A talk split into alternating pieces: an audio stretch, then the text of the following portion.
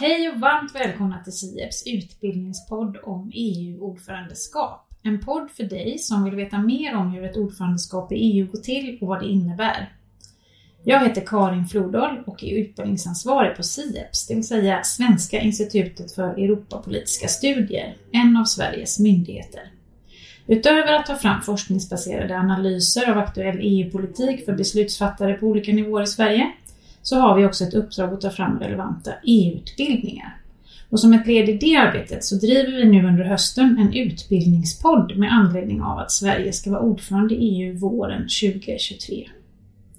Vi har släppt en rad avsnitt nu och bland annat pratat om vad ett EU-ordförandeskap innebär, vilka möjligheter ett ordförandeskap har att påverka EUs agenda och vad det innebär när man säger att ett ordförandeskap är Brysselbaserat.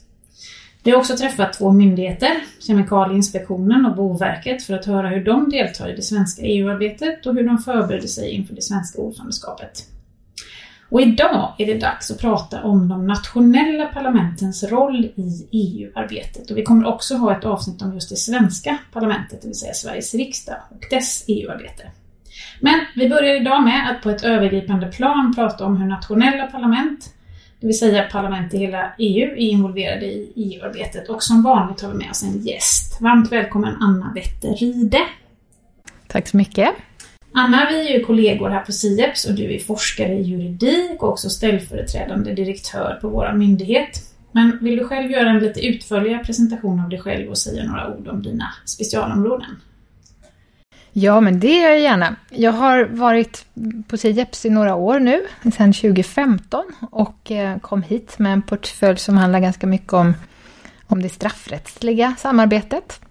Men här på SIEPS så jobbar vi ju lite brett med olika politikområden, så här har man ju fått anledning att utveckla sig och eh, fundera på hur, framförallt hur de här olika politikområdena hänger ihop och hur EUs integrationsprocess går till. Och sen är väl jag särskilt intresserad av beslutsprocessen också. Och hur den ska ja, hur man ska säkerställa på EU-nivån att eh, aktörer kommer in i tid för att kunna påverka. Att det finns en god lagstiftningssed i institutionerna och likaså på medlemsstatsnivå.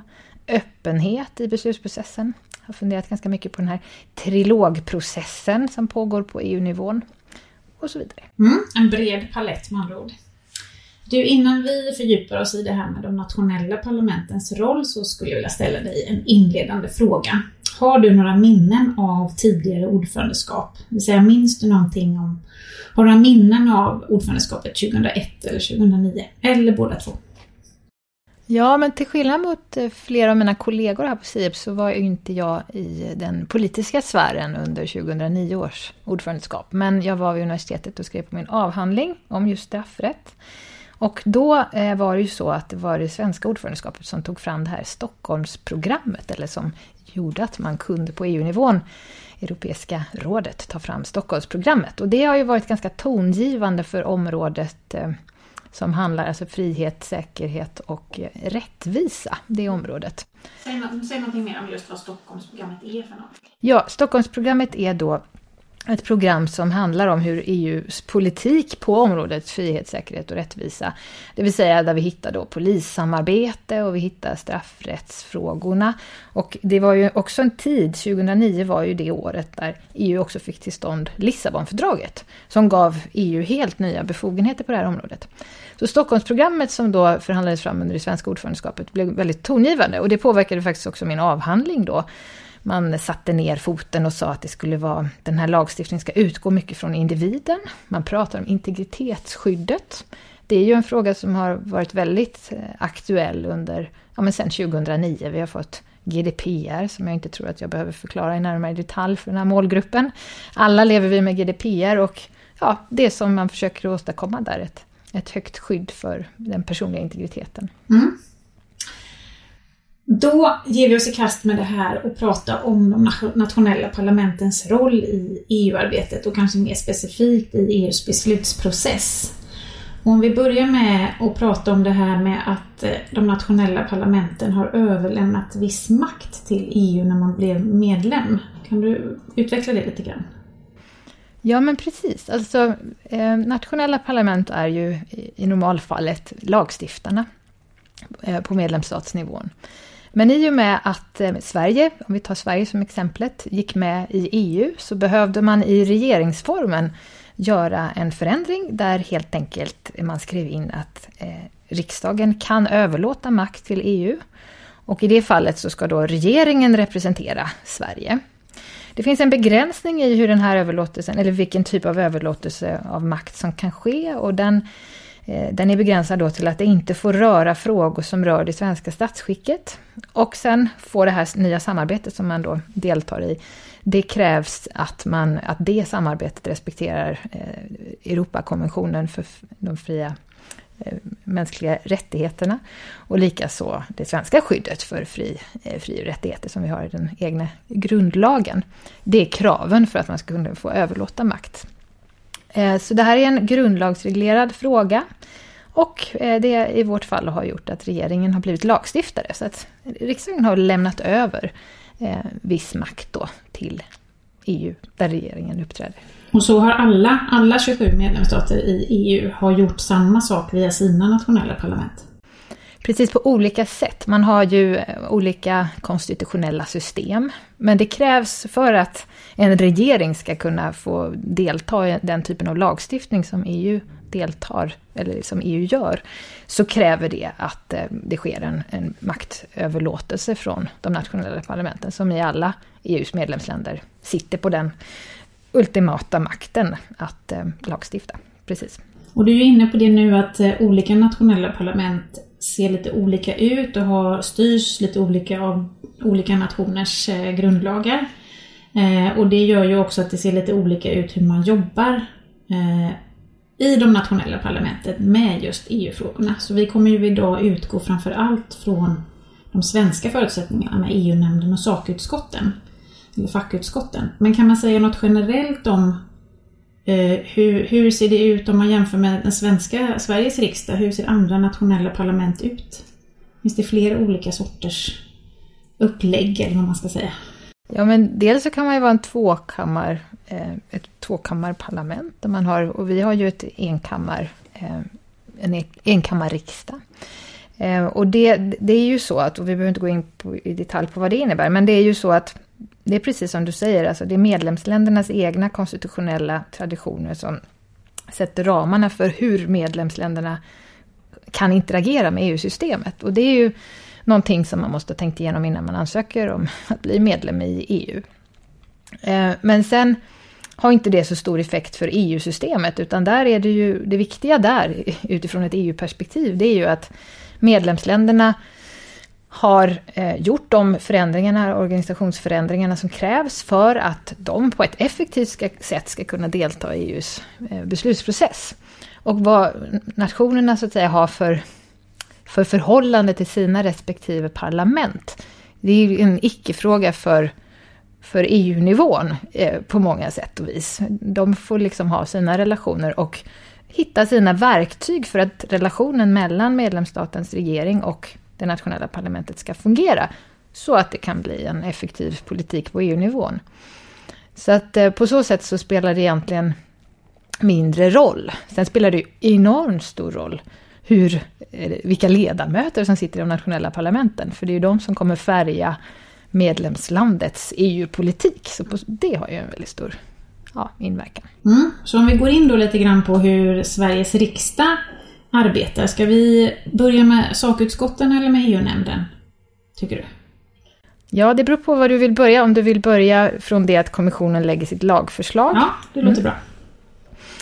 Ja, men precis. Alltså om man tänker att kommissionen ska då initiera, kommissionen är ju eh, motorn i EUs eh, regelsystem. Det är den som kommer lägga ett lagförslag. Och kommissionen är ju intresserad av att få veta hur det här lagförslaget ska flyga i medlemsländerna. Eh, och det innebär att kommissionen kan vilja ha en politisk dialog till och med med nationella parlament.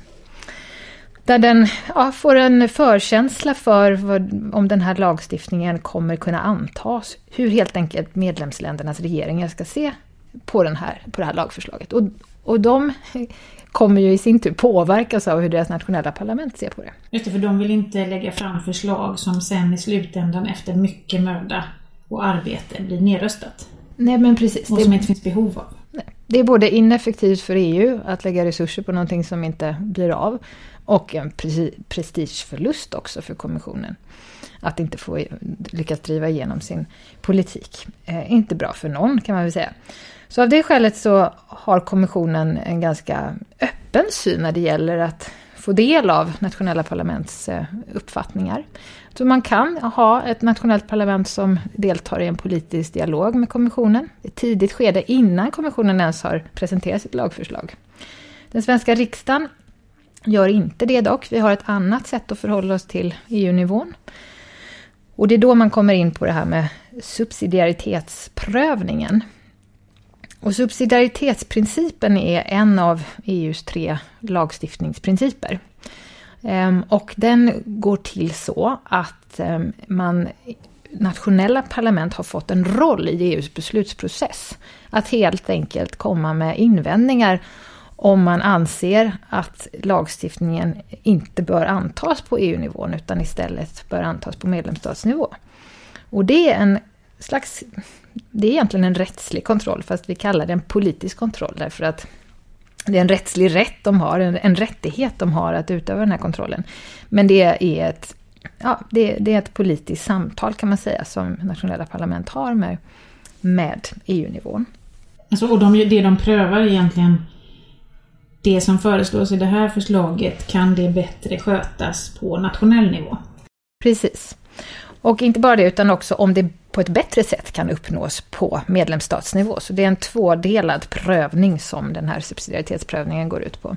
Och det här är ett sätt, subsidiaritetsprincipen fyller en viktig eh, funktion i ett demokratiskt system, därför att det handlar om att säkerställa att beslut fattas så nära medborgarna som möjligt och inte eh, således hamnar i Bryssel om det inte är alldeles nödvändigt för att uppnå ett, ett mål som inte medlemsländerna själva kan lösa, som är ett gemensamt problem på EU-nivån.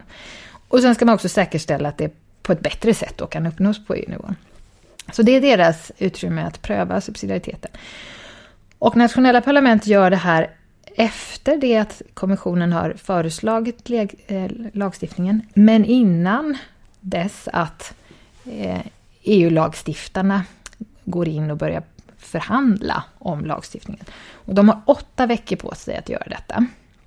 Och det här är en fördragsbaserad rättighet som eh, i värsta fall, om den inte respekteras av EU-systemet eller av medlemsländerna, så kan eh, faktiskt eh, eh, man driva det här till EU-domstolen som kan ogiltigförklara hela rättsakten. Och det sker väldigt, det har aldrig skett och det kanske aldrig kommer ske heller, men poängen är viktig. Det är en, rätts, en rättighet som nationella parlament har och således, det har det ju blivit därför att man anser att det här är en väldigt viktig prövning som nationella parlament bidrar med. Så de har en roll i EUs beslutsprocess. Men inte lagstiftare, ska vara tydligt. Nej, just det. Och den här tydliga rollen och den här rätten till prövning, det var någonting som också infördes med Lissabonfördraget 2009, eh, eller hur? Ja, men precis. Och det är bra att du nämner, för att EUs eh, integrationsprocess, den har ju pågått sedan 50-talet, sedan Romfördragen skrevs. Och eh, långsamt har ju medlemsländernas fördjupat politikområdena och eh, harmoniseringsgraden i olika frågor. Allt från kemikalielagstiftning till livsmedelslagstiftning. Och, och eh, genom Lissabon har man även då överlåtit kompetenser eh, på straffrättens område, som är en viktig liksom, stats kärn, kärnverksamhet. Ehm, och, efter, och efter, allt eftersom detta har gjorts, den här integrationen har fördjupats, så har också medlemsländerna reagerat och tänkt att vi måste fördjupa också det demokratiska systemet. Beslutsfattandet måste bli mer demokratiskt. Och eftersom nationella parlament är de yttersta bärarna av demokratisk legitimitet så kom man på att det här med att ge dem en roll, att subsidiaritetspröva, eh, är ett sätt att liksom kontrollera maktutövningen på den europeiska nivån och ge dem en roll att ja, komma med invändningar. Och så bara för att få tydliga då, så att när svenska riksdagen gör den här subsidiaritetsprövningen, då gör övriga nationella parlament också en bedömning av samma lagförslag. Ja, men precis.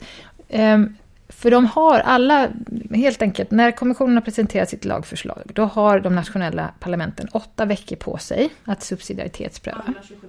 Alla 27. Som i och för sig då i det här systemet översätts i ett x antal fler eh, röster i den här prövningen. Och det beror på att vissa medlemsländer har tvåkammarparlament. Eh, Men vad som händer då, låt säga att svenska riksdagen och tillräckligt många andra nationella parlament eh, invänder mot kommissionens lagförslag och säger att det här strider mot EUs subsidiaritetsprincip. Då gör de detta genom att de skickar ett motiverat yttrande till kommissionen. Och eh, då, eh, beroende på om det är tillräckligt många som gemensamt kommer med sådana här motiverande yttranden, då kan man uppnå en, det gula kortet kallar vi det. Och det krävs en tredjedel av rösterna, de nationella parlamentens eh, röster, för att nå den första nivån. Och då måste kommissionen reflektera vidare över det här lagförslaget. Antingen kan man dra tillbaka det och motivera om det. Eller så kan man helt enkelt dra tillbaka det helt och hållet. Det blir ändå någon sorts varning om att ganska många tycker, är lite tveksamma till det här. Ja, precis. Så det, och det står också i fördraget att det ska ha den här påverkan på kommissionen. Så de kan inte bara strunta i det. Eh, då eh, har de inte följt protokollen om subsidiaritetsprövningen i fördraget. Om det istället då uppnår så mycket som hälften av rösterna i de nationella parlamenten, då når man nästa tröskelvärde och då blir det ett orange kort kallas det. Och det orangea eh, kortet det utlöser istället effekten att eh, lagstiftarna tar över frågan, det vill säga rådet och Europaparlamentet som röstar om lagförslaget för att helt enkelt kontrollera att det följer subsidiaritetsprincipen. Sen går ju de in i den politiska processen, men då får de ta över frågan. Och det här är också intressant för det tydliggör ju också att nationella parlament har en, en, en viss påverkan och en möjlighet att invända. Men det är inte de som i slutändan kullkastar den, europe, den europeiska lagstiftningen, utan det får i så fall medlagstiftarna, rådet och Europaparlamentet göra. Mm. Och om man då ser då i, i, i ett brett perspektiv på alla de här nationella parlamenten hur, eh, och den här subsidiaritetsprövningen som man nu har kunnat tillämpa sedan slutet på 2009. Hur, hur har det sett ut genom åren? Är, är, används den här rätt, rätten man har? Och hur står sig liksom det svenska, den svenska riksdagen i förhållande till de andra parlamenten? Ja, men bra att du påminner mig, för det var ju där vi skulle landa också, i att fundera över riksdagens synsätt här. För som jag sa så deltar de inte så mycket då i den här politiska dialogen. De har till och med Eh, konstitutionsutskottet har tolkat att, att helt enkelt eh, den svenska grundlagen inte gör det möjligt och därför har vi en riksdagsordning som, som inte ger riksdagen den möjligheten att interagera med EU-systemet idag på det sättet i en politisk dialog. Så istället lägger man väldigt mycket krut då på subsidiaritetsprövningarna. Och det, dels består det krutet i en större organisation inne i riksdagen om hur man ska ta emot de här eh, förslagen från kommissionen och, och subsidiaritetspröva dem, hur, hur, vilka utskott som ansvarar och så vidare. Så det är mycket resurser här. Och, eh, Just det, för att beroende på vilket ämne lagförslaget hanterar så hamnar det på olika fackutskott. Precis. Så det... alla utskotten blir involverade då och då, kan man, kan man dra slutsatsen. Det kan man absolut göra. Sen är det inte helt lätt att översätta ett lagförslag från kommissionen Eh, för att det kan komma från ett generaldirektorat som vi inte har någon motsvarighet i ett svenskt utskott. Och så, så att det får eh, den svenska eh, riksdagsförvaltningen ta hand om, att sitta och lusläsa och försöka förstå vilket utskott det ska till. Ehm, men det som är, om man säger så här, vi har på SIEPS tagit fram en, en antologi om, som heter EU i riksdagen, 2016 kom den.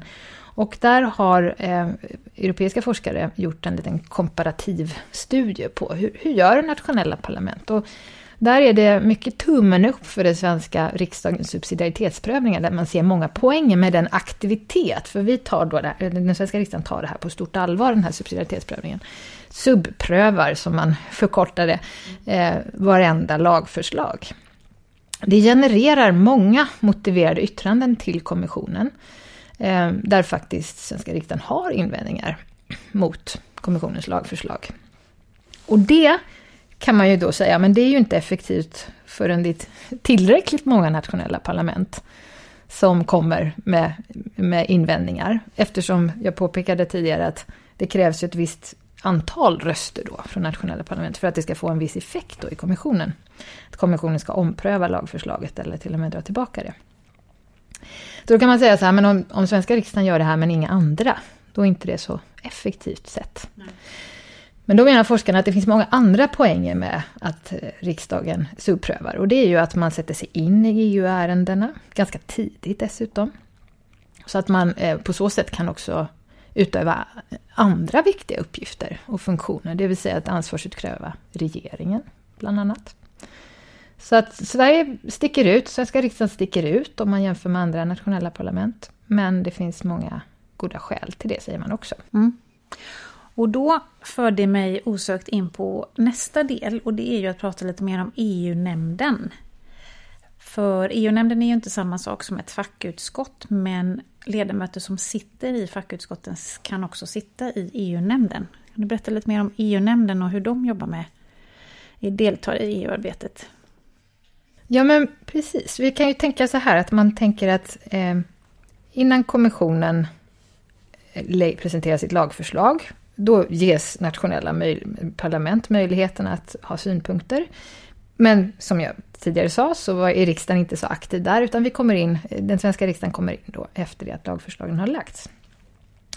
Och kommer med invändningar mot liksom, lagförslagens subsidiaritets, förenlighet med subsidiariteten.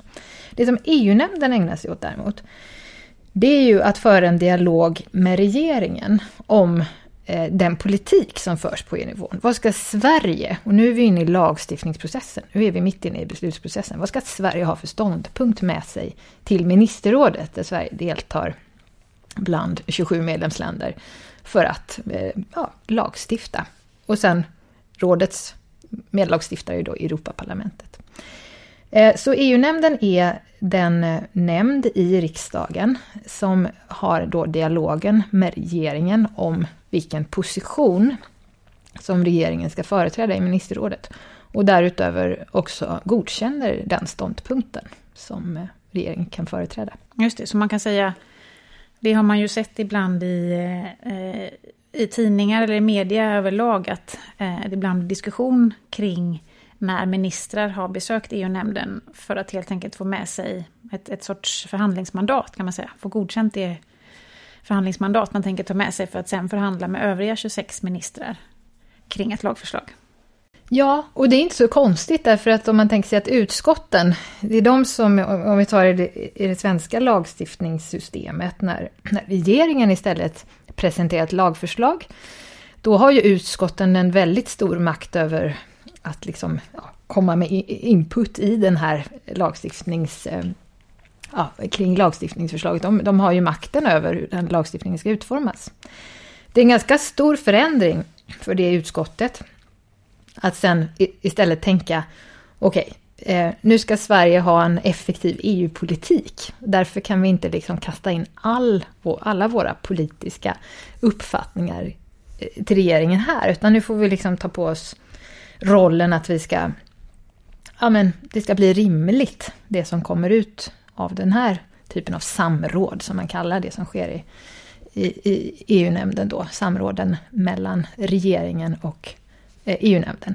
Så att man får liksom ta på sig en liten annan hatt när man går över från utskottet till EU-nämnden. Mm. Så då kan man säga att även om vi var inne på det här inledningsvis att man eh, vi, riksdagen har ju gemensamt tagit ett beslut om att överlämna Eh, viss makt till EU-nivån och att det där är våra regeringsrepresentanter, vår regering som är lagstiftare, så har man ändå eh, en viss kontroll kontinuerligt i det arbetet. Ja, jo men exakt så är det. Det blir ju ett sätt att hålla sig ajour i politiken. Och... Mm. och då har vi nu pratat om EU-nämndens eh, e roll och fackutskottens roll i EU-arbetet och i lagstiftningsprocessen. Finns det några andra sätt som riksdagen och andra nationella parlament involveras i EU-arbetet som lyssnarna bör känna till, tycker du? I ett demokratiskt system är ju en grundläggande, eh, måste det finnas en, ett effektivt ansvarsutkrävande. Och det är ju i stor utsträckning det som de nationella parlamenten också ska göra. De ska ju säkerställa då att, ja, att de processer och de, den lagstiftning som tas fram på europeisk nivå, att den så att säga stämmer överens med, med, med de nationella normerna och eh, inte minst rättighetsskydd och så vidare. Så att ansvarsutkrävandet är ju väldigt viktigt att de nationella parlamenten ägnar sig åt. Se till så att regeringarna inte överskrider sina eh, befogenheter, det vill säga de som i grundlagen i Sverige har överlåtits från riksdagen till regeringen.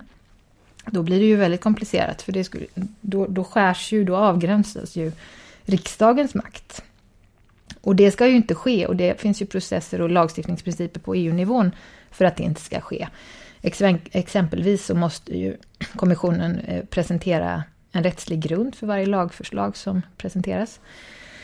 Och subsidiaritetskontrollen är ett sätt att kontrollera EUs makt eh, och likaså proportionalitetsprincipen, det vill säga det mål som man vill uppnå på den europeiska nivån får inte vara mer ingripande än nödvändigt. Det är också ett sätt att liksom förhålla sig till den nationella nivån, att EU inte ska lagstifta onödigt mycket helt enkelt. Så att ansvarsutkrävandet vill jag uppmärksamma om är eh, väldigt viktigt, att det är effektivt och att de nationella parlamenten tar den rollen på stort allvar. Mm. Och nu kan man ju sammanfatta det som att vi har pratat ganska mycket om, om riksdagen men också nationella, övriga nationella parlaments roll till just ministerrådet som ju är en av de tre institutionerna i lagstiftningsprocessen. Men det finns ju också forum och sätt de arbetar med de övriga två, det vill säga kommissionen och Europaparlamentet. Kan du säga någonting om, om de relationerna? Menar du då nationella parlament och deras relation? Precis. Ja, då är vi tillbaka lite i den här politiska dialogen då. Som de nationella parlamenten kan ha, men som den svenska riksdagen inte har då med kommissionen om lagförslagen innan de presenteras. Eh, sen har ju de nationella parlamenten också ett samarbete för att ja, men, hålla sig eh, uppdaterade om dels om de utmaningar som de möter på olika nivåer och det sker inom ett interparlamentariskt samarbete, då COSAC. De behöver ju också kanske samarbeta lite mer sen 2009 då när subsidiaritetsprövningen tillkom. För att säkerställa, men, kanske stämma av, är det andra som kommer komma med motiverade yttranden och så vidare. Så att det finns ju liksom en, det här integrationsprocessen som vi pratar om, den föder ju fram liksom, behov av nya samarbeten, till och med mellan nationella parlament, som ju är en ganska ovanligt förekomst annars i andra sammanhang. Men, men det europeiska projektet föder ju fram det. Och likaså har de nationella parlamenten då samarbete med Europaparlamentet. Och Sverige har ju också en representant från riksdagsförvaltningen som, som håller koll på, på vad som sker i Europaparlamentet. Och det har övriga nationella parlament också va? Jag kan inte lova att alla har det, men det låter klokt. Och Man har en möjlighet har... i alla fall att ha en person på plats i Europaparlamentet. Möjligheten, absolut. Mm. Ja, det här var intressant Anna och vi ska ju få fortsätta den här diskussionen för vi ska också träffa eh, en tjänsteperson från eh, riksdagsförvaltningen och prata mer om just den svenska riksdagens delaktighet i EU-arbetet. Varmt tack Anna för att du var med oss här idag och tack till alla er som har lyssnat. Vill ni veta mer om riksdagens delaktighet i EU-arbetet innan vi träffar Innan nästa program så kan man besöka www.riksdagen.se. Där finns det massor med bra och pedagogiskt material som förklarar hur riksdagens arbete men också Europaparlamentet, rådet och kommissionens arbete. Och glöm inte att du kan lyssna på Utbildningspodden både på vår hemsida men, via också, men också via övriga andra plattformar där du hittar allehanda poddar. På återhörande!